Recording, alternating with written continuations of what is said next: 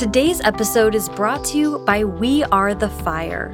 Debut author Sam Taylor's YA fantasy We Are the Fire follows two flame wielding teen soldiers in love who are pitted against each other as they fight against the empire that kidnapped them as children.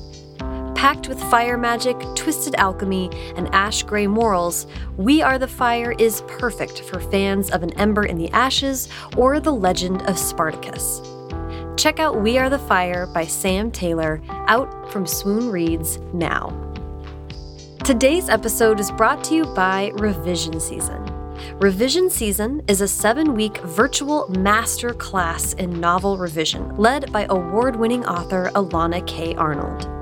The Spring 2021 course will run from May 9th to June 26th, and enrollment opens on April 1st.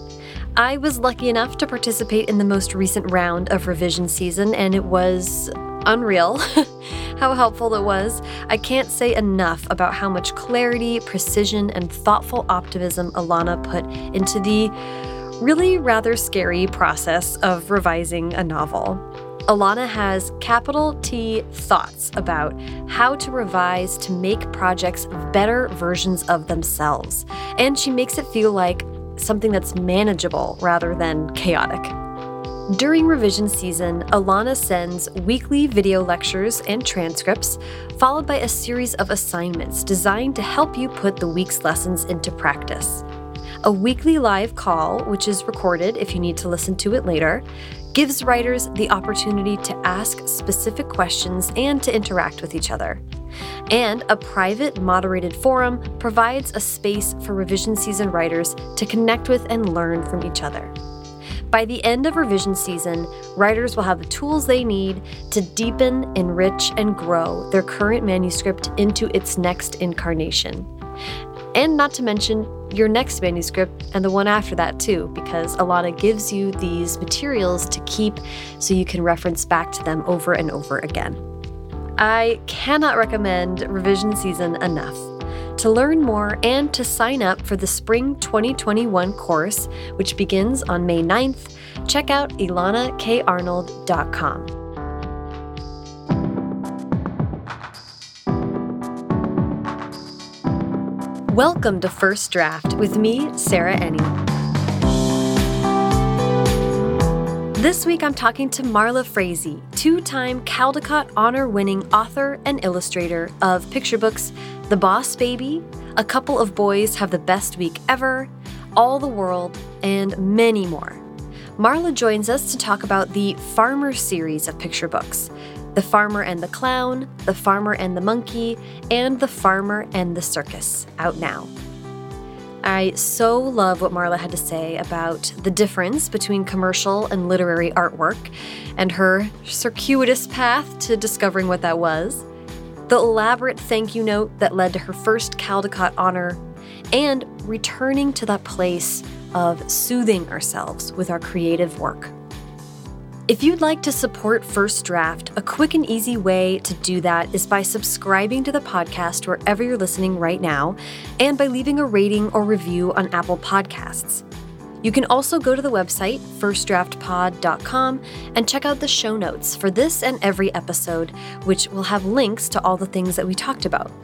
First Draft is an affiliate of bookshop.org, so when you buy books through the links on the website, it helps to support the show and independent bookstores at no additional cost to you. The very best way to support First Draft while also getting great bonus content is to sign up for the First Draft newsletter. There's the free monthly one, which will remind you of all the recent episodes you have to catch up on and upcoming events and fun stuff like that. But for just $5 a month, you can get the weekly newsletter, where every Friday, subscribers get exclusive interviews, publishing industry analysis, writing tips, and more in their inbox. I'm writing essays for that and providing links every week to the publishing and publishing adjacent stories I'm paying attention to. Um, all kinds of stuff that's just kind of furthering my effort um, that I started with track changes to talking to other writers about our industry. So I think it's worth checking out no matter where you're at on your publishing journey. And you can check it out at firstdraftpod.substack.com, or you can find a link to subscribe at the website firstdraftpod.com. Okay, now, please sit back, relax, and enjoy my conversation with Marla Frazee. All right, hi Marla, how are you doing today? Hi Sarah, it's so nice to be here. Yay, I'm so excited to chat with you today. I have just so many questions for you, but I want to start by giving a little bit of background on you for the listener. So I'd love to start with where were you born and raised? I was born and raised and have always lived in Los Angeles. Yay! I want to ask about, I love talking to picture book, especially people who write and illustrate their own books, because then I can expand my question about reading and writing as a child to include illustrating and drawing. So I'd love to hear about how all of that was a part of your young life. Well, it was a huge part of my young life. And in fact, I decided when I was really little that this is what I wanted to do. I think I was probably four or five when I sort of declared this would be what I would end up doing. And so I've kind of always felt as if this was my path. And, you know, it, I've been, of course, discouraged in a few detours and it's hard to get published, etc. But when I was little, I just made books and said that this is what I was going to do when I grew up. Yeah. I'm just curious about were there any books in particular that really stood out? There must have been something that just really snapped into place for you so young. Absolutely. I mean, I was very lucky because I had my mom was um, a teacher, elementary school teacher, before she had kids. And so we had a lot of her school materials. She she stopped teaching when we were little and then went back to it when we were school age ourselves as a substitute. But we had the stuff that she mm-hmm. would have from her classroom. And one of the books that we had was The Carrot Seed, written by Ruth Krauss and illustrated by Crockett Johnson. I think it's a 1945 book, perhaps. And we even had the, the record album. And so, you know, it had the song that I could, I still remember. And, and it's such a incredible book. And I remember just loving it so much when I was really little and loving the pictures and loving the surprise of the gigantic carrot and loving the subversive nature, although I couldn't have articulated that that's what it was. But the mm-hmm. fact that parents don't know what they're talking about, neither do big brothers, you know, like they just, I love that about it so much. Like they didn't know. They kept saying mm-hmm. that this carrot was not going to grow and this carrot seed wouldn't grow, and it and it did. They were wrong. So that was definitely the first book I think that I fell in love with. I was also very much enamored by um, Blueberries for Sal by mm-hmm. Robert McCloskey and Where the Wild Things Are by Maurice Sendak. And those three books, I would say, just clinched the deal for me. Like, I, that was what I wanted to do. And when I think back now, like, I, I've tried to put myself in that space of being a kid and what it was that meant so much to me about those books. And I, I remember thinking how incredible it was that Blueberries for Sal was printed not in black ink like one would expect, but that blue, blueberry blue ink. And and what a gift that was. That felt like a gift to me as a child, like like a surprise, you know, like that was really thoughtful. I I, mm. I, I felt like that. And then um, in Where the Wild Things Are, I was so impressed by all the ink lines that Maurice Sendak made. And as a young drawing person, I knew how long that would take. And and that also seemed the same, like a gift. Like, wow, he must really care mm. about me, mm-hmm. you know, mm-hmm. to spend that much time making this for me. And then there were many other reasons those books, you know, I love them too. But those those things stand out as like the early impressions of, you know, why they were so personal. They felt personal. That's so striking to hear you describe it that way too. It's almost like illustrate the act of illustrating and then receiving an illustration. It's like a love language that you sort of understood intuitively. Yeah, I, I think that's that's what it was.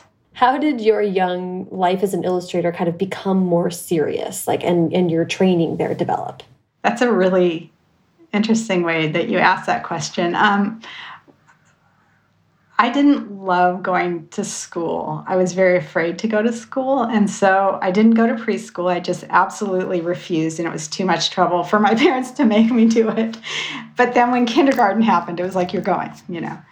And I cried a lot. And I have, it was hard year for me. I mean, it really was hard. I didn't like nor trust my kindergarten teacher. And she scared me. And I was so I had such a hard time in kindergarten, and I really, really remember those feelings.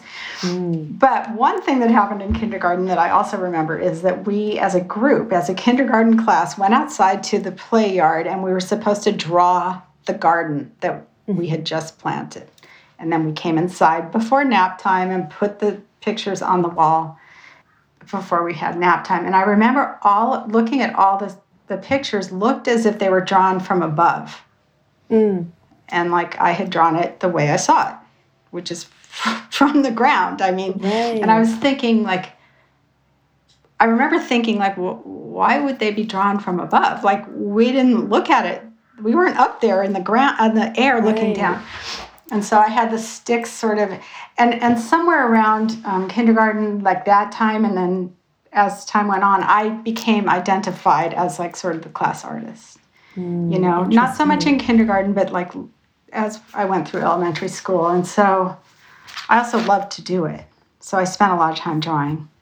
I'd come home from the stressful kindergarten day and probably draw to calm down. Um, right. I don't remember that, but I probably did. So it was just, it was just, um, you know, part of my way of processing the world early. I love that too because it's obviously then it became sort of an aligned with identity too, right? Like wanting to be Absolutely, an yeah. author illustrator and then being seen by your peers as someone yeah. who excelled in that. That's so important. Um, I actually know a lot of people that went to Art Center, which is so I feel so fortunate to know all of them, and they they. So I know kind of a little bit about that process, which is produced some of the most influential illustrators of like the last 40 years, basically, which is really impressive. I'd love to hear from you about choosing to go to Art Center and just really putting all your eggs in the basket of being a creative professional and then what kinds of things you explored while you were there. Yeah, I mean, I always kind of thought that I was going to go somewhere like a four year state college or something. That's what I, so I went to Glendale College after high school and then I was looking at a four year to transfer as a junior well, actually, I, it was before that I started to look into it. And I had uh, my boyfriend, his father was a principal and of a high school in Burbank, and he was able to take one student to Art Center to meet sort of for an orientation. And he's kind of took me and I didn't go to that. So it was very kind of him. It was a really, it was a very influential day. So yeah. I went with him to Art Center and he, because he was who he was, we had lunch with like the um, admissions director or something. I mean, it was, I, and she told me at that lunch that it was probably not the best idea to go to a four year college. I should just start applying to Art Center as soon as, mm. if I wanted to go there, I should just start doing that. So after being at Glendale College for a year and a half, I started to apply thinking it was going to take me a while to, to get mm-hmm. in. And I was accepted. I was like, okay. And so I went. And it was convenient because I lived nearby and hard, really hard. And I barely have any memories of that time because it was such a grueling schedule. And I worked at an art store that was nearby called Swain's. And throughout the whole time I went to school, sometimes I would stop and work full time and then go back and take mm. the next couple terms but both of those things really were helpful because I had this great discount at the art store so I could get stuff and experiment. And then I was in this art school that was so, such a great school and hard. I have to say that again. I mean, intense program.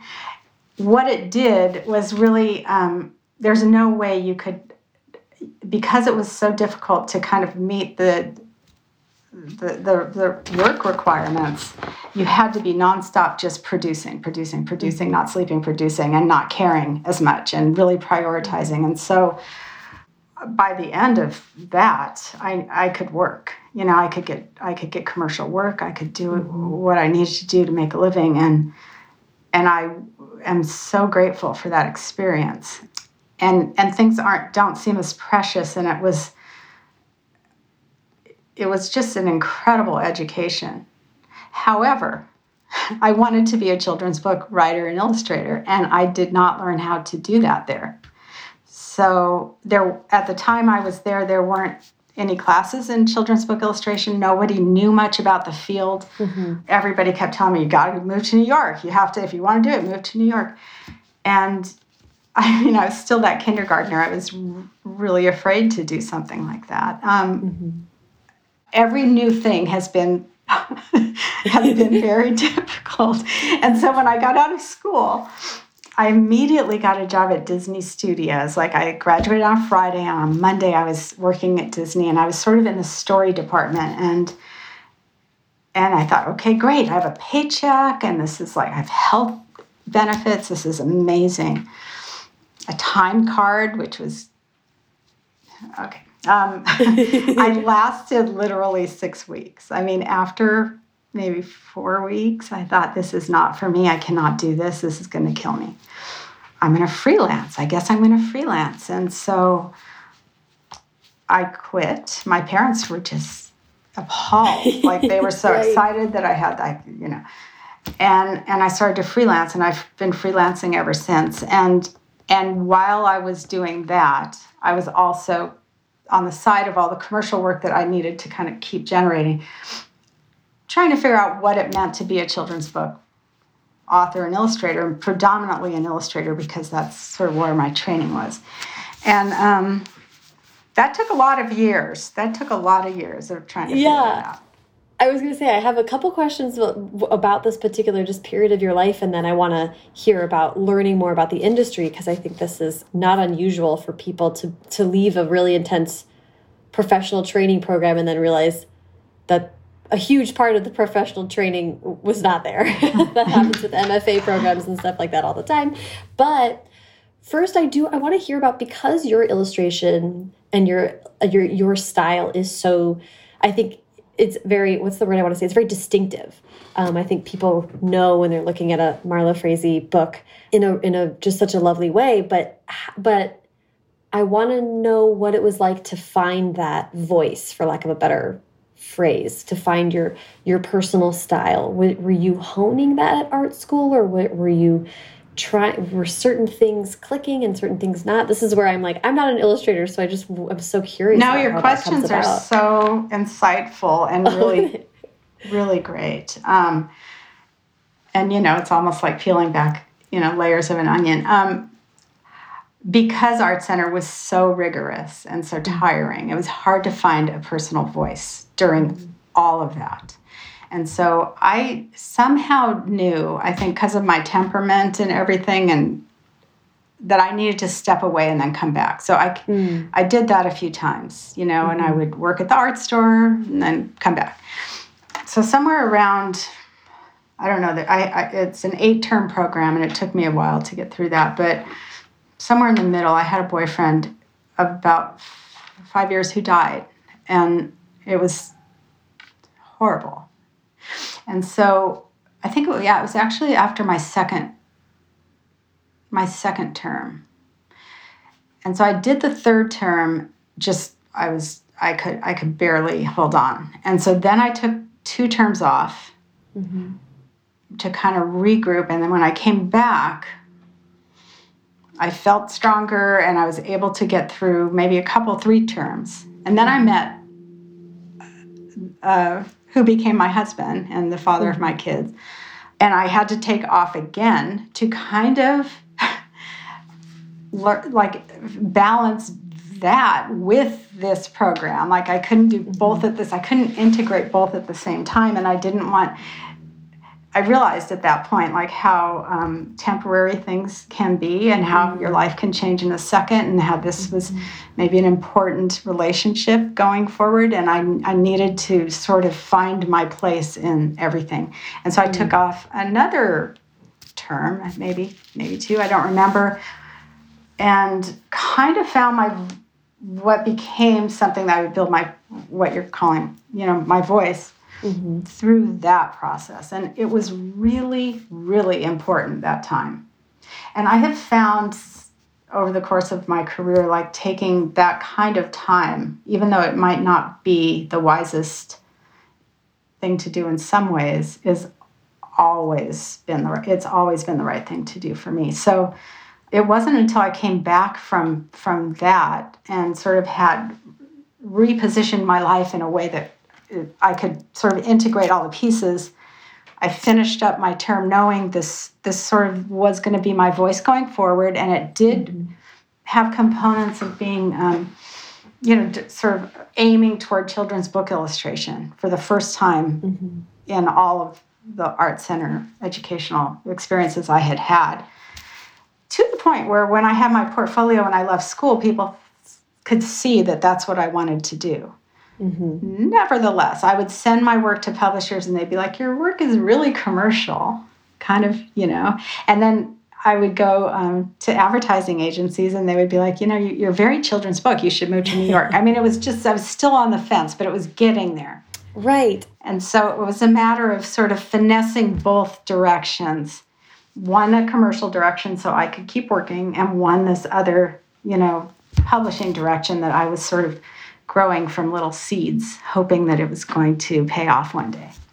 Yeah, I have. There's a. Um, I was reading an interview with you where you had this great quote. You said publishers kept telling me that my illustration style was too commercial, and I've come to understand that my work at that time wasn't narrative. Um, I thought that was so interesting. Can you just describe a little bit about you're talking about this nexus of commercial and and I don't know, literary? Is that the one way you want to say yeah. it? How did you kind of find the bridge of between that gap? Um, I mean, that was the crucial piece, and that's what I try to do when I'm teaching, because I've been mm. teaching children's book illustration at Art Center um, on and off for over 20 years. But is trying to shorten that experience for people because when I started to hear that, like my work wasn't narrative enough, it wasn't telling stories, it was pretty much from my who became my first editor, Linda Zuckerman, who at the time was a West Coast editor of Harper Collins. Mm-hmm.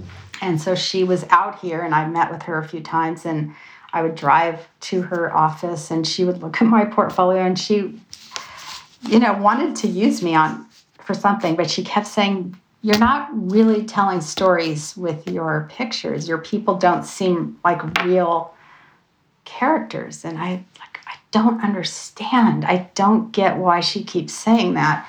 And she would she'd pull books off the shelf and she would show me examples, and I just didn't get it for a long time.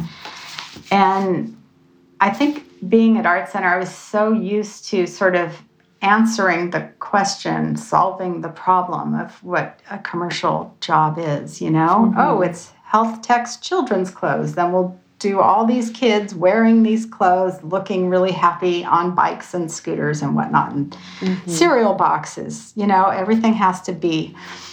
And so, or even greeting cards or posters, I mean, they just have to work as one piece. But mm-hmm much like writing a story, like an illustration that has, you know, something that maybe has preceded that moment and something that's come after it looks like that. It looks like it's taken from a picture story, mm-hmm. a larger. So you mm-hmm. want to know when you see it, like, wait, wh- why is that? What happened? What's going to happen? Is there more? Right. Like that sense of having somebody look at a piece in a portfolio and saying, oh, what's this story? I want to know right. what this is.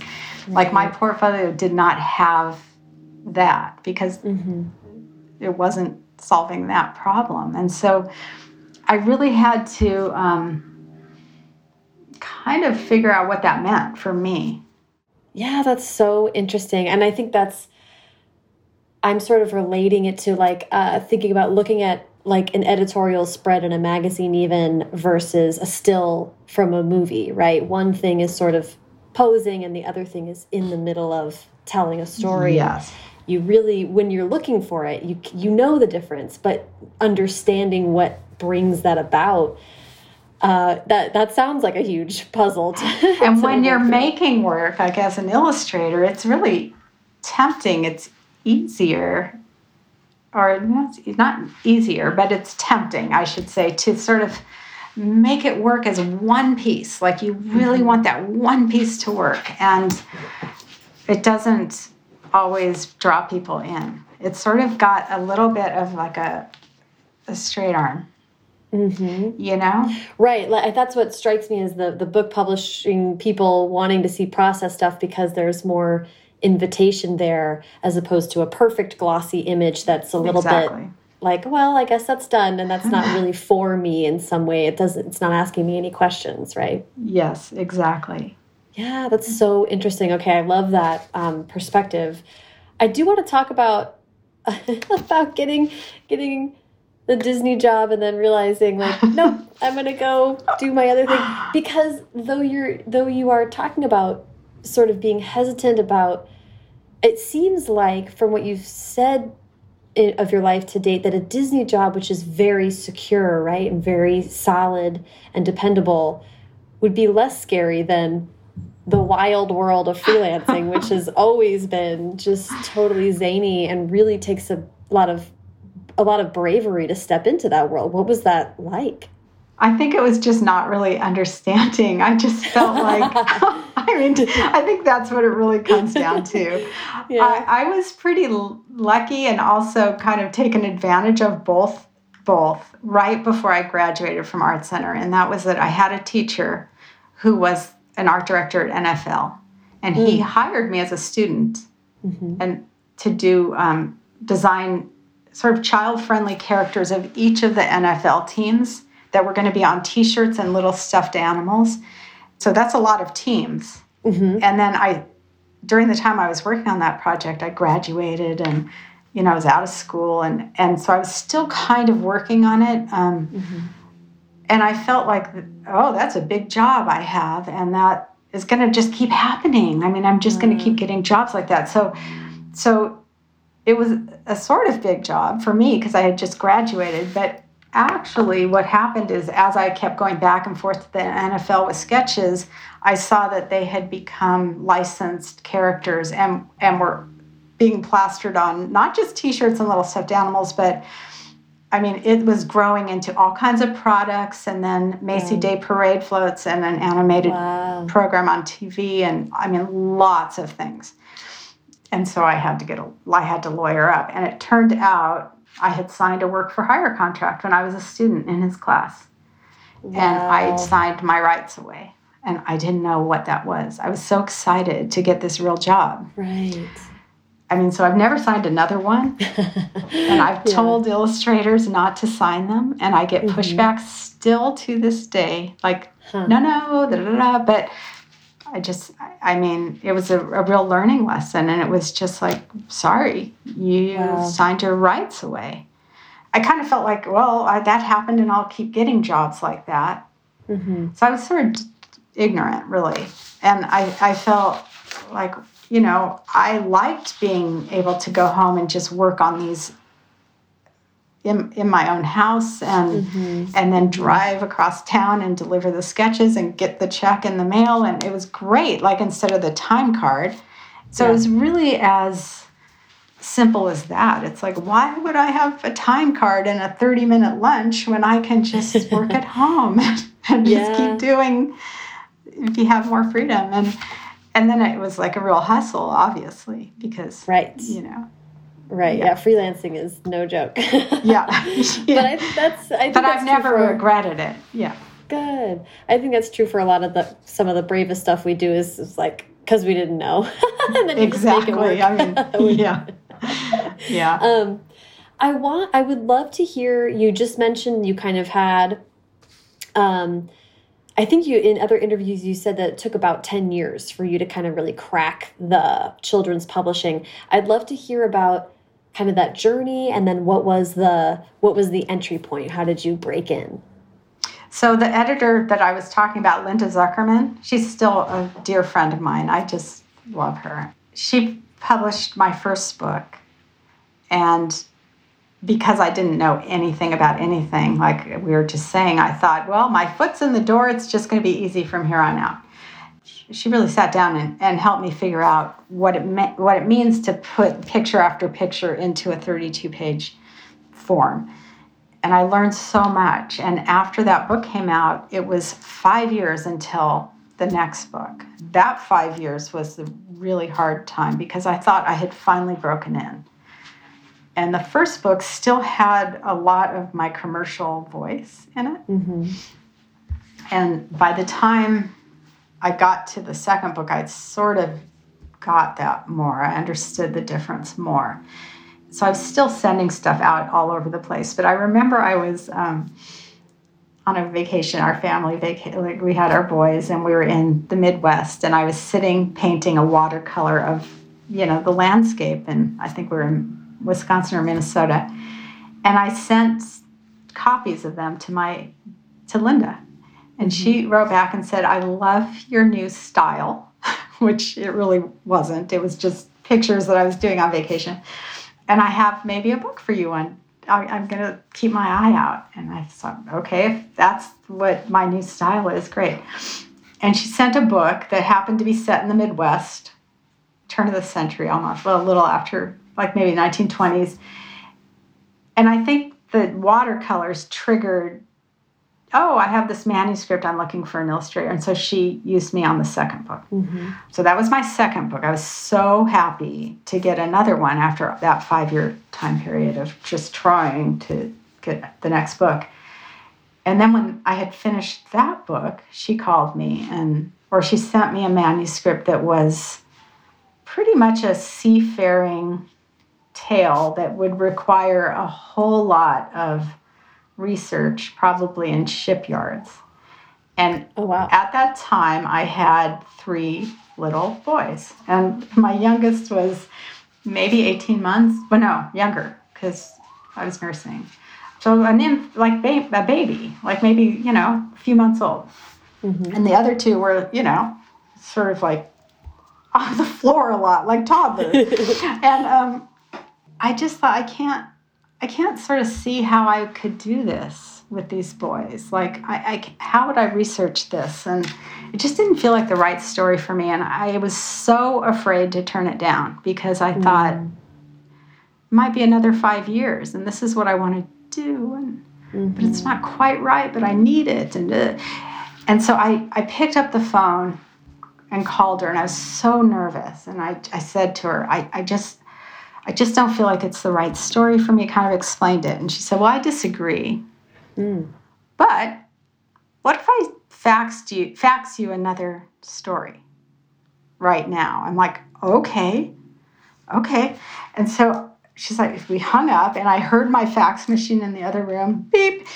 And I had, you know, my infant like and I go in in the fax machine the, in those years, like the story would come out like whatever came out upside down. So I'm holding my baby and I'm nursing this baby, and it's like the other two are probably like beating each other up in the other room, and and it was the manuscript for the third book, which is the Seven Silly Eaters, which is a mom with seven kids. They all have different eating needs, and she weirdly like meets them all, so she's a wreck, and. um and it was like this manuscript was made for my life right then. It was just like, oh my God, I not only don't need to go to a shipyard to research this book, it's right here in my own house. I have to illustrate this. I mean, this is amazing. And I mean, it's an amazing text. I just was so lucky to receive it. And had I accepted that other one, I wouldn't have received it. I wouldn't have it wouldn't have come my way. And I do feel like that book is is the one that really kind of got me in. And and I spent a year and a half doing those pictures and and it deserved it. It deserved that much time from me because it was I knew what I had.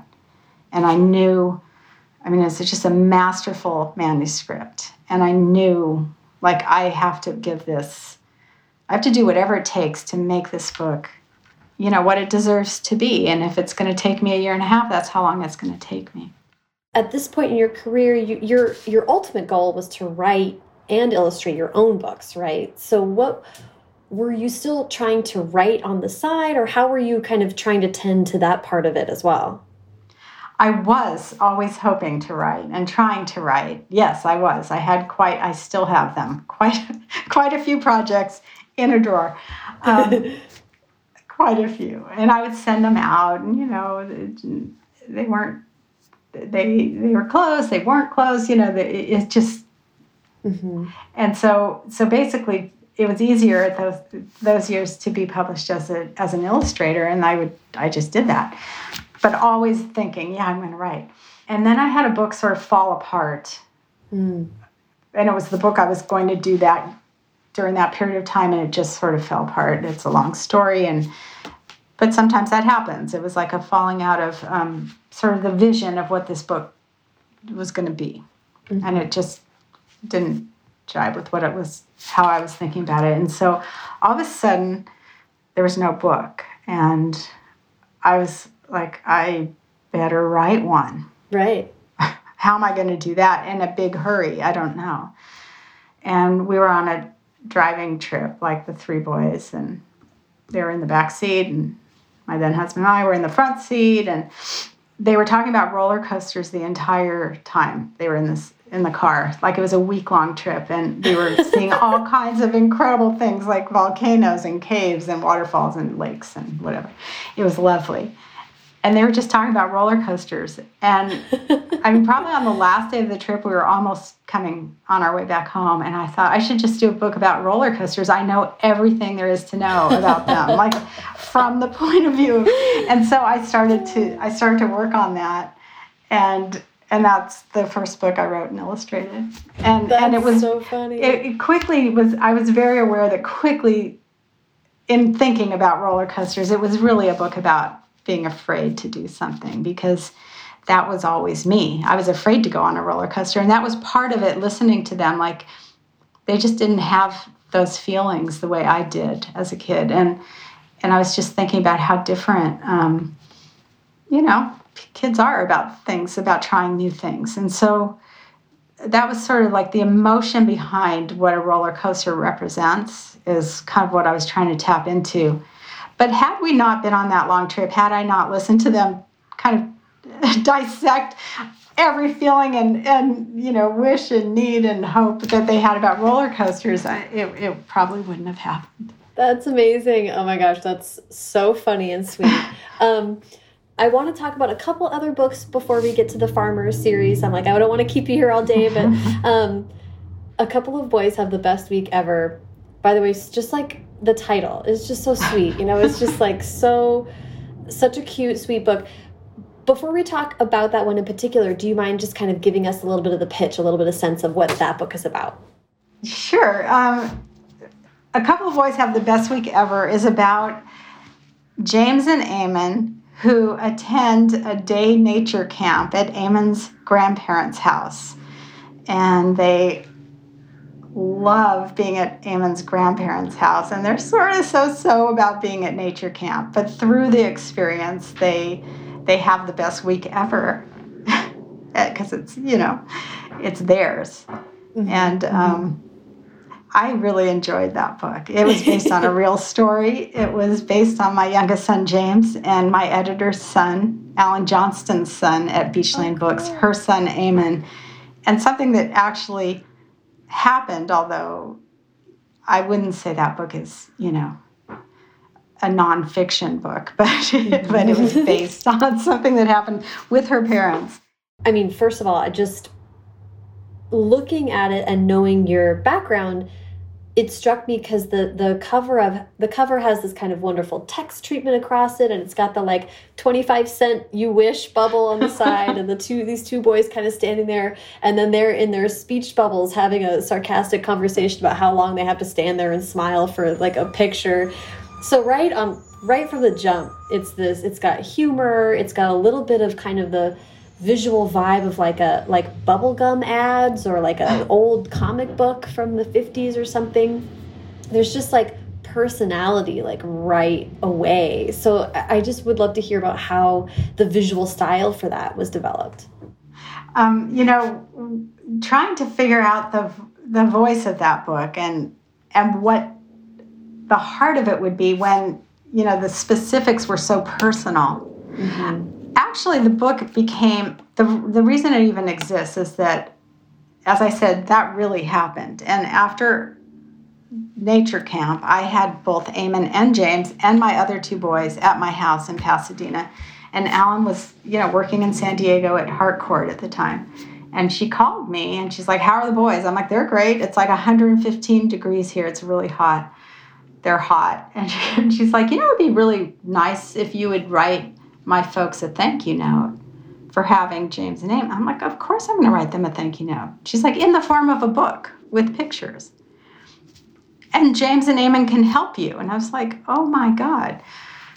Okay. And um, she would say that never happened, but I I would never have done it had she not said it. So we I did a little book uh, and put it in an envelope, and it was a thank you for this week that they had, and they did help me. They did a couple of the pictures, and a lot of the voice of because it was sort of a toss off. Mm-hmm. A lot of the voice in the in the text and the art was just it just came, you know it just mm-hmm. flowed because I wasn't trying. and right. and there was this that that sort of straight man text with like with the pictures that tell a different story was there in this little note. Oh, now, funny. backstory of that is I've been trying to write other things and sending these other ideas to Allyn, and she's like, "Yeah, you know, nothing was working." And so she, her mom, sent her a copy of this after she got it, and Allyn called me later and she's like, This is this is your voice. You, this is what you need to do next. I'm like, How? How? It's so specific. And and so when we started, we were both really sensitive to the idea that, you know, it was about our sons and what that how that was gonna fly at her company. Like right. you guys are now working on a book about your own kids and so when I started to do the text, and it went through many revisions, of course, as they do, and so did the the drawings. But the drawings originally were they started looking more like the characters in the Seven Slow Eaters than they do here. And then Allyn said mm. to me, "Look at your little thank you notes. See how you drew those waves and how like they're like cartooned. Do the whole book." I'm like, "Oh!" It just felt like I was given this permission to do something completely different and and so that the next round of you know revisions and, and sketches were definitely much more um, like i kept looking at that original thank you note and trying mm-hmm. to kind of really pare down the details and have fun with them because that book was such a family affair in terms of her son and her parents and my son and I mean, it was just such a joy that when it won the Caldecott honor, we all celebrated. I'd love to hear about that experience because it's a real a turning point in someone's career, getting something externally so validating.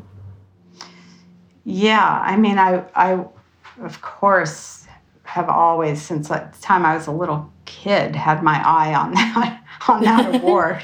I mean, I've yeah, been aware of it my whole life. Yeah. yeah. And and there have been books that, you know, I felt maybe like, oh my God, what if? But not particularly that one. I was not, was not, I was shocked. And Allyn apparently wasn't as shocked as I was, but she didn't really let me, you know, know that. But yeah, I, I was completely floored. I, I did not expect it and it, I was delighted, of course. Yeah. I was, I was well, delighted. Um, and what did it?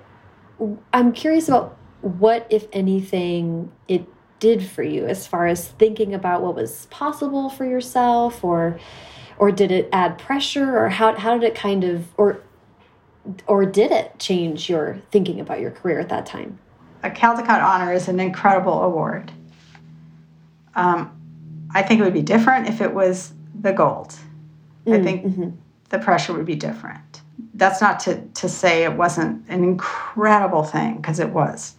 And I felt validated in a lot of ways. And I think I think I felt validated to play more.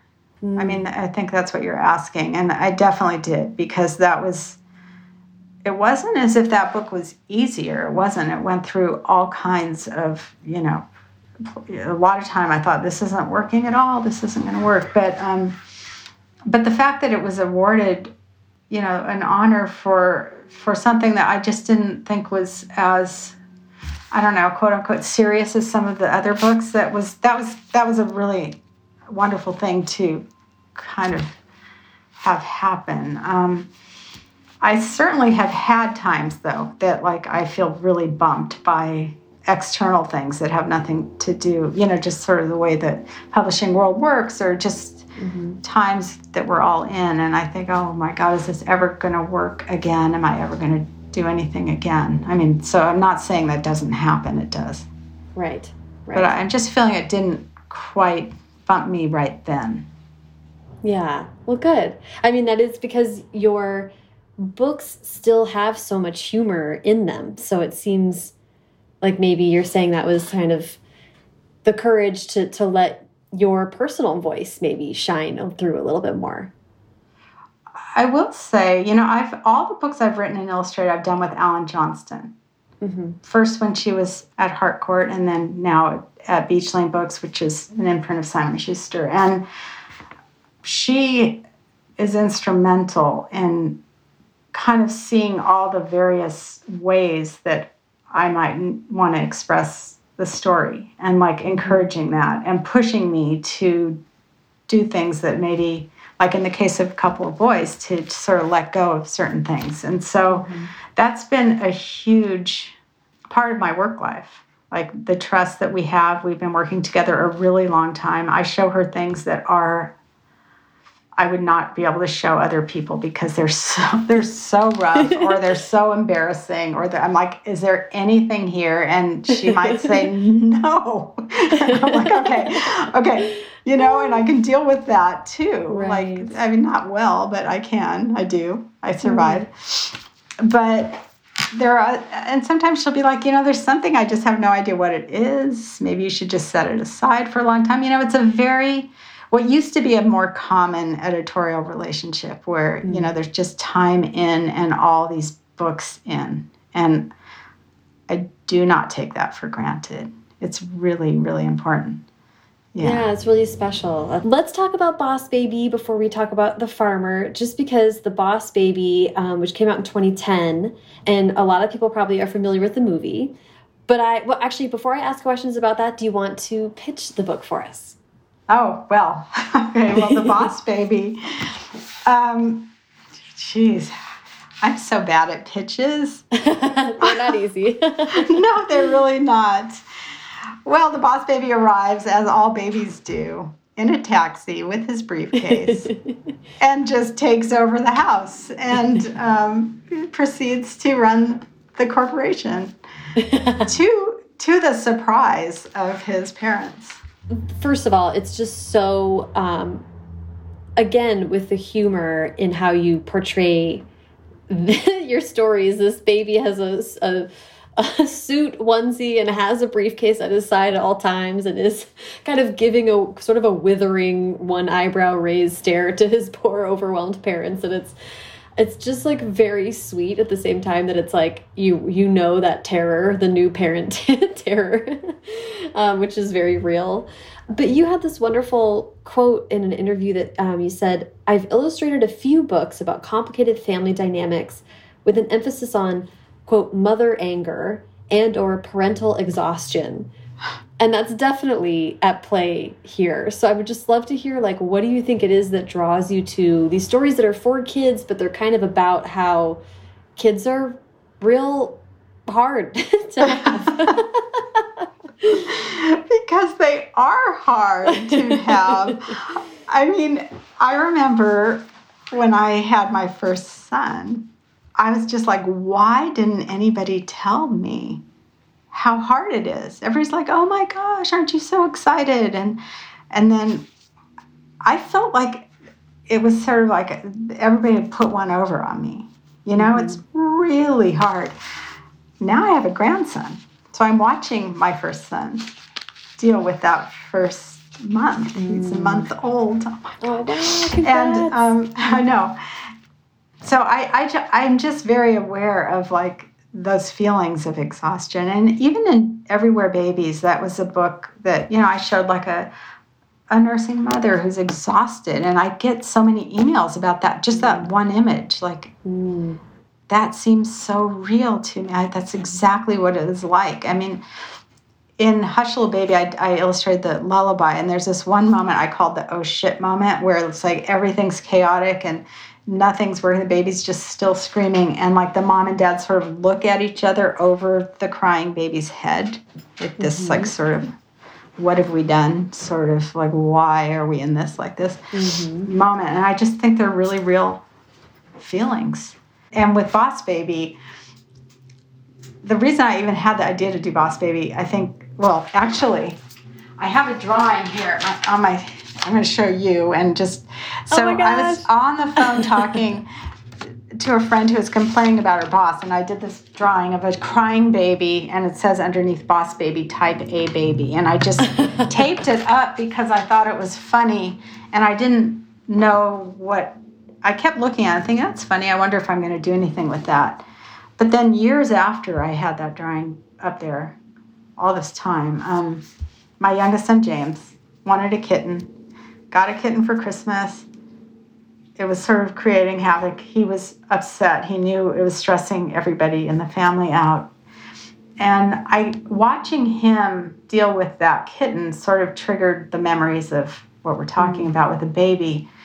And I think it was because it wasn't my own feeling anymore. It was watching him with this little critter mm-hmm. who he mm-hmm. couldn't believe like was the boss of him that sort of got me started to to write the this the manuscript when when I started it was because of that. Yeah. Um, but it was a hard one to get to work.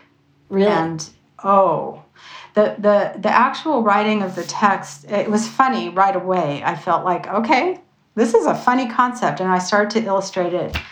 And every time I, I went a round of illustrations with character or thumbnails or whatever, and Allyn would look at it, she just kept saying like this isn't working it's getting less and less funny i'm like mm. oh and then at one point she said i, I don't care if i ever see this again wow. i was like oh my god Dang. and so i went back and looked at the manuscript and i thought no it's still funny it's still funny to me i'm going to work on it in secret mm. and so I'm not going to tell her. I'm going to actually just tell her I'm working on another Clementine. That's sort of when when, the, um, when it was all happening. And and so I recast. I, I changed the boss baby's name to the little fucker, and I and I did a dummy little one, uh -huh. and put that. I called it that on the title page, starring the little fucker as himself.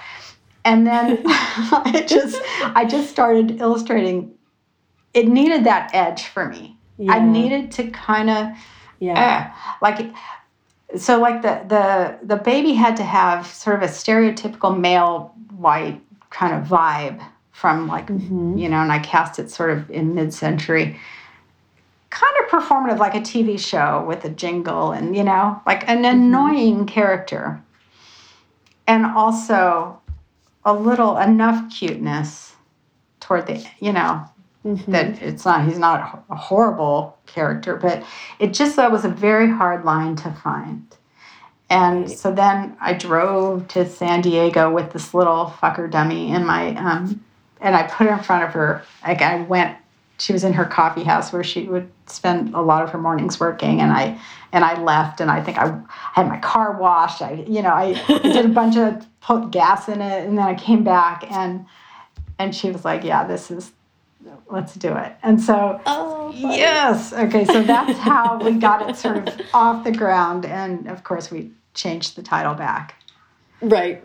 as one has to. What was the experience like of having, I mean, the, the movie came out and was number one in the box office. It was an un, unmitigated success. so what was, was, that experience like? remarkable experience. I just, I, I mean, it was, it was a crazy experience. I, from the time the book was optioned, I kind of you know, I was like, that is amazing. I wonder if it will ever really get made. Right. I know a lot of times it doesn't. So, because I'm in LA, because DreamWorks is not very far away, they kept inviting me to see things. And so, over the course of the making of the movie, I was kind of coming and going when Steve Malk, my agent, Ooh. and I would kind of go to to see whatever it was a, a few times. And I mean, it just blew my mind. The, all the creativity, the people, the passion, like everything that was put into the process of making that film was so fun to see. I mean, it was just like I loved the whole experience. It was fabulous. It was That's great. It was just a lot of it was it was mind-blowing. It's hard to even describe it. Okay, let's talk about the farmer books. But before we do that, I know this is hard, but can you pitch this kind of as a series for us? I can, and I actually have something. So I I because I knew like I'm going to wander all over the place. So okay, so the Farmer and the Circus is the third book in a wordless picture book trilogy that I am calling the Farmer Books, a love story in three parts. The three books center on this grumpy, grouchy, sort of seeming older farmer, solitary. In the first book, The Farmer and the Clown, a baby clown falls off a circus train into the farmer's field, and the farmer takes care of the little clown and safely reunites him with his clown family. In the second book, The Farmer and the Monkey, a circus monkey secretly follows the farmer home, and the farmer's life is turned upside down again. The monkey leaves on his own accord, but not before he hands the farmer a ticket to the circus. And in the last book, The Farmer and the Circus, which is coming out in April, the farmer heads off to the circus with his ticket and soon sees that more than the circus awaits him. He finds love and he finds family, and his life is forever changed. Yay, that was perfect. Um, very well done. Yeah, because there's there's so much to this series. I want to start. Let's start with kind of the broad questions about how the series kind of. I'm trying to think about how to phrase this as a question.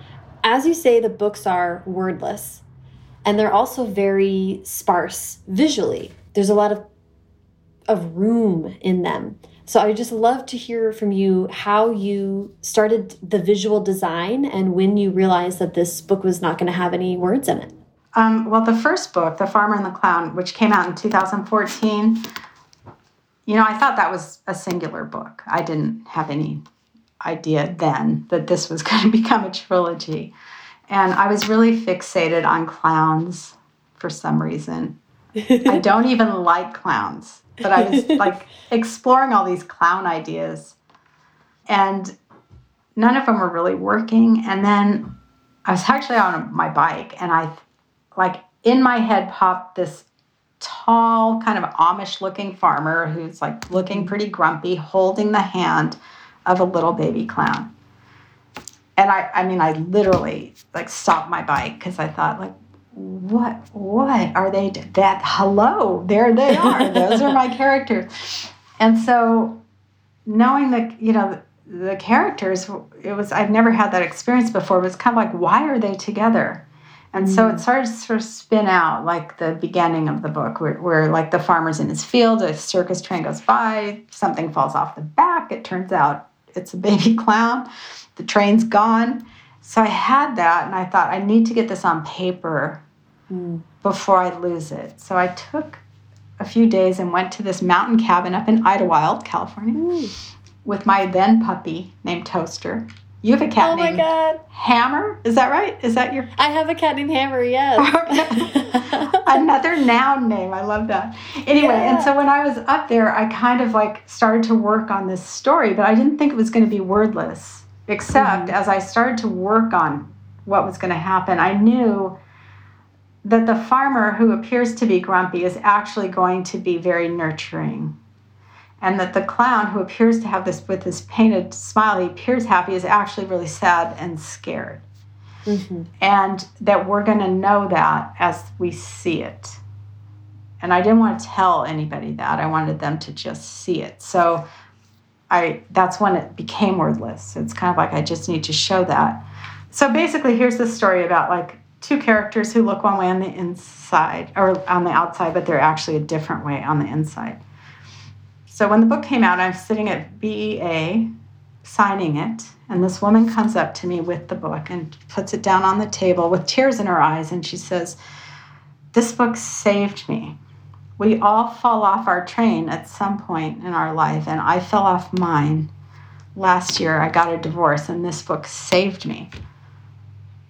And I kind of looked at her and I, I thought, oh my God, I got a divorce too while I was making it after 31 years of marriage. And I thought I never thought about it that way. It was like her telling me that made me think, oh, this book kind of saved me too. Like, mm. but I didn't think of it that way. But the way she said it, we all fall off our train at some point. I mean, it was just like, and and while I was working on the book and making it, it was a very laborious process, more so than other books of mine. Like, really meditative process of like the drawing and the painting. And so I'd be at the mediate the we'd be in mediation and then with lawyers and then I would come home in the late afternoon, which I usually don't work in the evening, and I would do the work and I would calm down because it's mm. like and then I would, you know. So I mean, it really went in, and it was kind of like, whoa, like that is so fascinating. I love how stories can do that, like the writing of stories sort of proceed. They're like dreams. They they yeah. kind of help us get to the next place. We don't even know we're going to be there. Um, mm-hmm. So then, four years later, after this book came out, I was going through another breakup, actually a significant one, and I remembered that well, I, I wasn't sleeping at all. Mm. I mean, like, mm. I've had insomnia a lot in my life, but this was a whole other level of mm-hmm. not sleeping. I felt like I was losing my mind. And I remembered how, like, working on that landscape and that spareness and these characters, how they calmed me and so instead of sleeping and thinking, and not sleeping and thinking about my life, I would think about this story. And I would, I kept asking myself in the middle of the night when I wasn't sleeping, what happened when the when the farmer found out the monkey followed him home? What happened mm-hmm. when the little baby clown went back to the circus? Did he just was he changed by the his experience at the farmer's house? Like, what happened to all the you know? And I would just kind of lie there and, th- and then i had the story i was like oh my god i have to tell the rest of the story. And i really think it was sort of a love story i needed to tell myself. I think mm-hmm. that's where it started. And i think a lot of books are are stories that we need to tell ourselves. And it's kind of like i needed to sort of i needed this. I needed this story.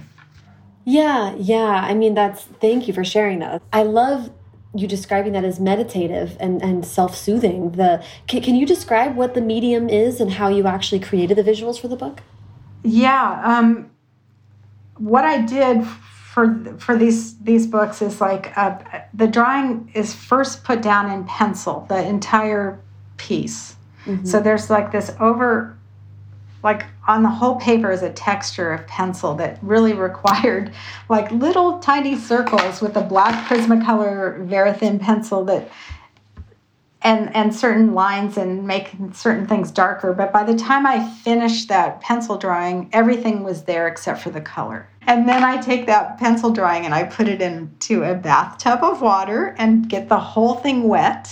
Whoa. Which is interesting because it actually like the pencil goes sort of indelibly into the paper, like the pulp mm-hmm. of the paper, and so you can't even erase it then. So it's almost mm-hmm. like now it's it, I can paint it. So then I staple it to a piece of wood, and then I painted it with gouache, which is a opaque watercolor, and requires a lot of different layers. And the mm. paper was very um, absorbent, so I really had to do many. Like I can't tell you how many of those either, because that would also embarrass me. because it's it's crazy. So each piece would would sort of take three weeks, two to three wow. weeks, maybe for sure. That's incredible. Um, and with the farmer, well, the second two books, I knew I needed to do. Like I said to Allyn, if we're doing this trilogy, I need to do the sketches all the way to the end. Mm -hmm. to make sure it works before I mm-hmm. start. I'm not. I don't want to lock into, you know, whatever it might be with the second book and then do the third. Right. So let's, I'll do all the sketches and then I'll do all the paintings. And um, because even, you know, spinning out the story from the first book, I didn't know there was going to be more of a story, but I had certain things that I needed to work with because they were already there and I didn't want to add anything mm -hmm. really else. So I certainly didn't want to have to do that with the third book. I really wanted to see. I mean, it was it was a really wonderful challenge because I wanted each book to stand alone, mm -hmm. and I also wanted like the three books to have a larger narrative arc as well. Mm -hmm. And I, I just I knew I needed to do them right away. Like I knew this is what needed to happen right away, and so so doing all the paintings of the last two books back to back was tired. You know, that was a long time. Right. Yeah. I mean, that's really labor intense. By the way, you say two or three weeks, and I'm like, oh, is that all? so that shows you. really? Like, I'm like, well, they they are so they're so clearly crafted. I mean, just the way you talked about Maurice Sendak at the beginning of our conversation, the intricacy of those lines. I mean, you look at the visual, and it's like my God, you know, I, I didn't know how it came together, but I could tell that it was pen or pencil and that that I know enough about pen and pencil to know that that takes a long time to get that kind of express expression and yeah there's clarity. something about that texture that I really love doing in the first book I felt sort of old but not like an etching I just a softness mm -hmm. and um yeah at the end of the first book, as you say, when the farmer and the the clown baby has sort of grown this attachment and the clown baby of course wants to go back to its family. I read that you initially did not have it end with the monkey following the farmer home that it was which would i mean like that would be a rough ending to have you know? It's just a, it's a very heartbreaking ending to the first book. I wonder what it is that that led you to make that change well, I mean, because it was so hard. But at first, I had well, I had a lot of sketches, but one had the farmer sort of clicking up his heels, which was absolutely emotionally wrong. Mm. Like I don't even know why I would draw a picture like that because it wasn't. And I knew like this this isn't the ending. And so then I would mm-hmm. draw pictures of how the farmer would really feel, and it was like, oh my god, this is so sad. You know, it's it's interesting the idea of this farmer. Um, because I think the fact that he is solitary and he is a man, it's unusual that he would. This isn't something that would typically, he, you know, taking care of a, a, a little kid and until he could return the kid back to his family is just it's sad. I, I read somewhere like why didn't why didn't you decide it was like a, an older woman? And I thought, well, because that's the point like that's the point was that you know surprisingly opened up his heart and his life to this this little person who needed him and got him safely home. And so you know like a lot of endings to picture books like i wanted it to you know you wanted to do so many things. You want it to be satisfying and yet you want it to be open-ended and you want there to be hope for a child reading it that like this didn't devastate this farmer and mm-hmm. you want them to go back to the beginning and all kinds of things. And so when i realized like circus monkey could follow him i mean when i did the drawing it's almost i feel like i, I did so many drawings and and and that one was like oh of course. And and it's not going to go well obviously. It's not the same. A circus monkey is not like a little lost child. A circus right. monkey is a circus monkey. And so just spinning out the possibilities of that without thinking I was going to actually draw it, but just mm-hmm. the imagination of that, it just felt right. Like it was enough of a an ending, enough of a promise of like more to come. Right. That he was going to have to deal with. It's like life is not going to just go back to the way it was. Mm-hmm. Mm-hmm. And that was enough until it wasn't. Until and. Then, yeah. Until and then it was like, oh, okay. I guess I have to go back in. But you know, I didn't want it to be a, the same kind of a story. Like I knew that the monkey was a bridge to get him back to the circus. I knew that book was a bridge book. Yeah, that's what uh, intriguing to me, and that makes total sense that you came back and said I want to do the next two because now that you read all three, you kind of see like, oh, it had to end with this. Um, you know, I'm, I'm like, why am I talking about? We can say spoilers. It's a picture book. It's okay. so we, we know like the monkey in the second book, the monkey brings this whole other kind of chaos to the farmer because it's an animal and there's a, different kind of understanding with that with relationships between people and animals anyway and the monkey was a little bit more chaotic than the, the baby was um, and then in the farmer and the circus i just like was i just thought it was so cute and fun to have the the circus baby is of course changed by his experience with the farmer too. So then i think it's even on the cover the image of of him wearing his little farmer outfit with his hat. And he's like no i am a different person now. I've seen things.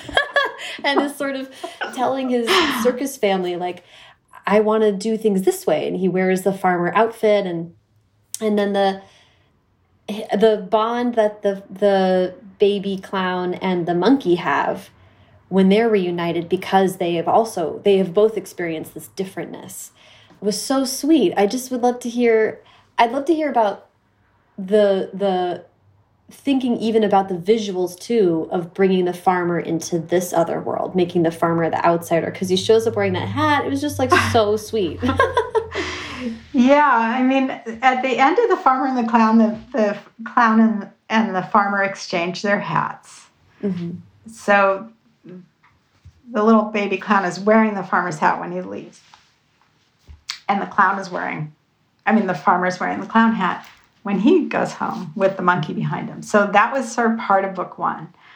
And I mean, one of the really moving stories I, I had from a, a child was that, well, heard from the grandmother this child that this three year old, when she was reading that book, said to her grandmother, like, they're never going to forget each other. They have something of the others with them. And the grandmother had written in an email that this three year old had experienced a lot of grief in her young three years of life. And I loved how that sort of that story and that moment broke her open enough to say, to articulate that. So, yeah and and I do feel like that first book was about you know home and saying goodbye and being lost and being found and everything. And so, you know, while I was lying awake with insomnia, I realized like, well, that clown is not the same. Mm. Never going to be the same from that. Mm-hmm. And the mom saw it. The mom clown or parent clown, it's ambiguous, recognized in the farmer this like and she's in, or he indebted to the farmer. Um, mm.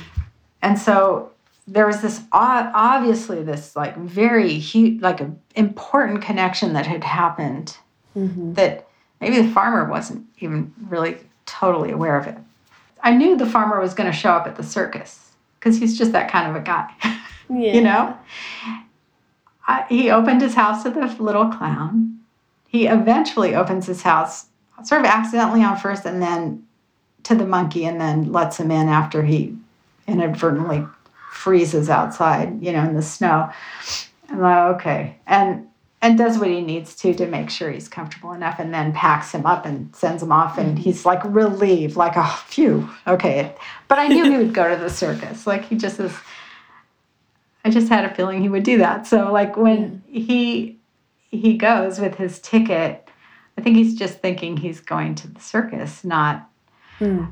But I also love the idea that the circus itself is created just by this little almost family and mm-hmm. outside of the circus tent because like mm-hmm. life is a circus and falling in love is a circus and all these connections that have been made by this like sort of accidentally are like it's all a circus and and like the little clown and the little monkey pulling them over to like put on a show as their own circus. And i felt like the the parent of the little clown and the farmer would it made sense to me that they would connect too. Mm-hmm. that they would mm-hmm. also connect. And i really love the idea of kind of showing how love can happen. Yeah without anybody thinking that's what's happening. It just can happen. And and does often if you're open mm-hmm. and if you allow it and if you're willing. And and that's a story I want to tell myself and that's a story that I hope that children will will see and and see in this. And I I would love for children who are like adopted children, stepchildren, foster children to find like resonance in these books because mm-hmm. families come together in all kinds of ways. Like we just you know, you don't know, and then it it happens. And you know, unconventional families as well as conventional families. I mean, I hope that these characters can sort of be uh, holders of all those feelings and realities too. So it was, yeah, I just think so beautiful to see the story wrap up with that being the ending as opposed to the ending of the first book was like perfect too but then getting the opportunity to move forward and see a different kind of way that these two people could come together was so nice. Um, well so i loved thank it. you. You know one of the things that is like i feel so lucky to be able to do is picture books that children as you know pre-readers will mm -hmm. will primarily be like looking at so carefully mm -hmm. because I know children see everything. And so when you're just working on a picture book trilogy where it, it really is going to require, you know, kids to to really pay attention to all the little things. I know they will if they're you know they're not going to um, fake that. They're, if they're if they're interested in the book they will spend time with it and they will see it all. Mm-hmm. and so when i'm working on any picture book i really am aware of how carefully and expertly children do that. And yeah. and so there's no better audience for you know to work on behalf of. There's just i'm so yeah. i'm so lucky to be able to do it. So magical. Um was there any before I ask about uh, advice? Do you is there anything else about the farmer series that you wanted to talk about or make sure we get to? There's a box set that will be out for all three books. Awesome. Um, called the Farmer Books. They're coming out April 6th. I will sign books at Vroman's Bookstore in Pasadena or and Once Upon a Time in Montrose. I have an arrangement with both bookstores. Anything ordered there I'll go and sign them and they will ship out. So it doesn't matter where you are. Yeah, I just want to wrap up with advice. You know, what is what is uh, advice you would give to someone who wants to write and illustrate books? I would say. Well, one of the interesting things I've done with a, a lot of my students is we stay in the pictures longer. Like as opposed to thinking, okay, I want to write and illustrate, I better write a story and then illustrate mm. that story. I've been doing this kind of in a teaching situation in both the classroom at Art Center and also in private workshops I, I have done. And and the longer you draw the characters and kind of like work out maybe the setting or the situations that, that the story it, it can grow out of drawings just as it's just as viable of a way into a story as illustrating a text that you've written. Mm-hmm. And so it's it's been very freeing for a lot of students who are visual thinkers mm. to stay in the stories, to stay in the pictures longer. And that's how I kind of came up with the the structure of the book Roller Coaster. Is that I started to I knew I wanted to do this roller coaster book, and I started to write it, and I started to write a book that I wouldn't want to illustrate, mm. and that mm. happens a lot. It's kind of like a, this isn't what I these pictures are not it's not the book i was imagining. And so going back into like a, a thumbnail dummy it sort of maps out the pictures in a way that then the words can kind of support that. Mm. and so it's sort of a little backwards but and sometimes for me a story will come with the words first and sometimes the pictures first and sometimes i kind of have to juggle them both. The other kind of piece of advice that i think is super important is, is really about finding your voice as an illustrator too and that or you know and as a writer i would imagine but like we all kind of when we were younger and we decided like this is how we were going to kind of relax or make sense of the world or we're going to like repair ourselves emotionally to get back out there and do whatever it is again is we would sit down and we would kind of self-soothe with this creative work that we maybe have ended up doing and mm-hmm. and as we get sort of more aware of the business and what we should do and how we should express ourselves, it's like we lose that capacity to kind of return to the place where we're soothing ourselves with our work. Mm. Like, what makes us calmer? What makes us, you know, feel like restored? And so, mm. anything we can do to kind of get ourselves back in that headspace, I think that's where our voice kind of emerges from, those places. Mm. And, Ooh, interesting. Yeah, I really encourage us all on a regular basis to kind of get there as and especially after this year i think it's so important. I mean i'm finding being creative to be a real challenge during a pandemic. Go figure who knew you know? Yeah. Oh man. I know. Right? And and so I think it's really important. I mean, on, on the other hand, it's really lucky to be a creative person during a pandemic because yeah, thank God. Right. There's a place right. to go. You know, yeah. there's a place to go.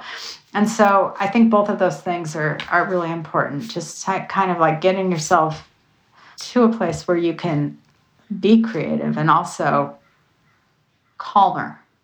Yeah. I mean, it's why we're all doing whatever it is we're doing creatively, is because it calms us down. Yeah we tend to devalue what we're good at. We're like, well, I'm good at that. That's just easy for me. I need to I need to work at that. I need to do this. I should do this. Instead of like the place of what we're good at. That's where we need to be working from. Yeah, oh, I love that. Well, I think that's a beautiful sentiment to wrap up with and to encourage people to explore that and be kind to themselves creatively while we're all kind of getting through and then processing all of that we're going through right now. Um, and I'm so excited for the farmer to farmer series to be out, and I'm I'm so appreciative. You gave me so much time today. Thank you so much. oh, thank you. It was a, it was a pleasure. I loved Yay. your questions. Thank you so much. Oh, that makes me so happy. You so much to Marla. Follow her on Twitter and Instagram at Marla Frazee, and follow me on both at Sarah Enni and the show at First Draft Pod. Thank you to our sponsor today, debut author Sam Taylor's YA fantasy We Are the Fire, perfect for fans of An Ember in the Ashes or The Legend of Spartacus. We Are the Fire is out from Swoon Reads now. Thanks also to Revision Season, the seven week virtual master class in novel revision led by award winning author Elana K. Arnold. The Spring 2021 course will run from May 9th to June 26th, and enrollment opens April 1st. Learn more at elanakarnold.com. I mentioned at the top of the show that leaving a rating on Apple Podcasts is a great way to help support the show and help new listeners find us. It really, really is, and I'm going to read a recent review that was left now. This review was left by WBO underscore. WBO underscore says, Love this podcast. What a stellar podcast for burgeoning writers. I take notes on her episodes, such a stellar resource. WBO, I loved being called stellar more than almost anything else. That's so, so great. I'm glad you take notes during the episode. That's fantastic. I do think First Draft is a really wonderful way to sort of ambiently learn a lot about the industry. Um, and thank you for taking the time to leave that rating and review on Apple Podcasts. First Draft is produced by me, Sarah Enni. Today's episode was produced and sound designed by Callie Wright. The theme music is by Dan Bailey, and the logo was designed by Colin Keith. Thanks to social media director Jennifer Nkosi and transcriptionist at large Julie Anderson. And as ever, thanks to you, bossy babies, for listening.